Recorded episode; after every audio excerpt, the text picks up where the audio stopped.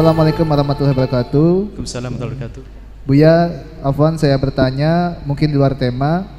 Di lingkungan masyarakat saya ada ritual mengajani orang yang baru meninggal. Apakah hal ini memang ada tuntunan dari jam, dari, dari Rasulullah SAW? Ngajati, Me- mengajani, ngajati. mengajan, azan, memberikan azan, mengajani orang yang baru meninggal. Apakah itu memang ada tuntunan dari Rasulullah Muhammad SAW? Baik. Syukran ya. Baik. Saya pengen tahu istilah ngajati. Nah, kalau istilah ngajati mungkin di Jawa Timur selamatan, mungkin. Tidak tahu, mungkin selamatan ada orang meninggal, selamatan, nyelameti mbah saya ben selamat. Ngajati hajat saya mbah saya biar selamat lah. Sekarang harus definisi ngajati apa? Memang Nabi tidak pernah ngomong kalau bapak meninggal hajatilah olehmu nggak ada. Memberi azan bu ya. Eh? Memberi azan, azan, azan, Azan. azan. Ajat Zal Azan Masya Allah Makanya inilah perbedaan Anda suka, saya suka singkong Anda suka keju Kan beda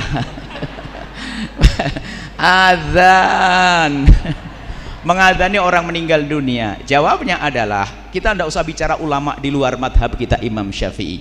Di dalam madhab Imam Syafi'i terjadi dua pendapat. Ibnu Hajar Al-Haytami Imam fikih kita Yang sangat masyur kitabnya dipakai di negeri ini Imam Ibnu Hajar Al-Haytami mengatakan bahwa Tidak ada azan waktu mengkubur mayat. Tidak ada azan Nah, ulama yang lainnya mengatakan ada azan yang mengatakan ada azan karena dikiaskan dengan waktu melahirkan. Sayyidina Rasul mengadani Sayyidina Hasan dan Husain waktu kelahirannya. Jadi waktu berpindah dari alam rahim ke alam dunia dikumandangkan kalimat takbir dan tahlil.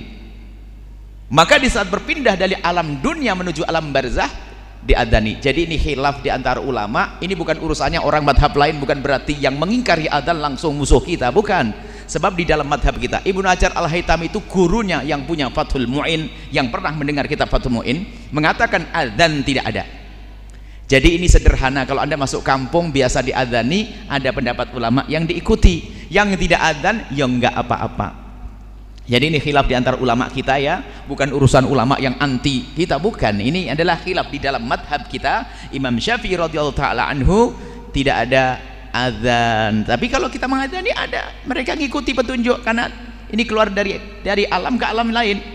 Dikumandangkan azan. Jadi perbedaan apa ulah ulama. Jadi Anda sebagai ustadz yang bijak jika jika di sebuah kampung ada adzan ya nggak apa-apa ada ulama ini gitu kalau nggak ada adzan jangan langsung bilang wah ini sesat nggak boleh begitu karena ini adalah perbedaan ulama adzan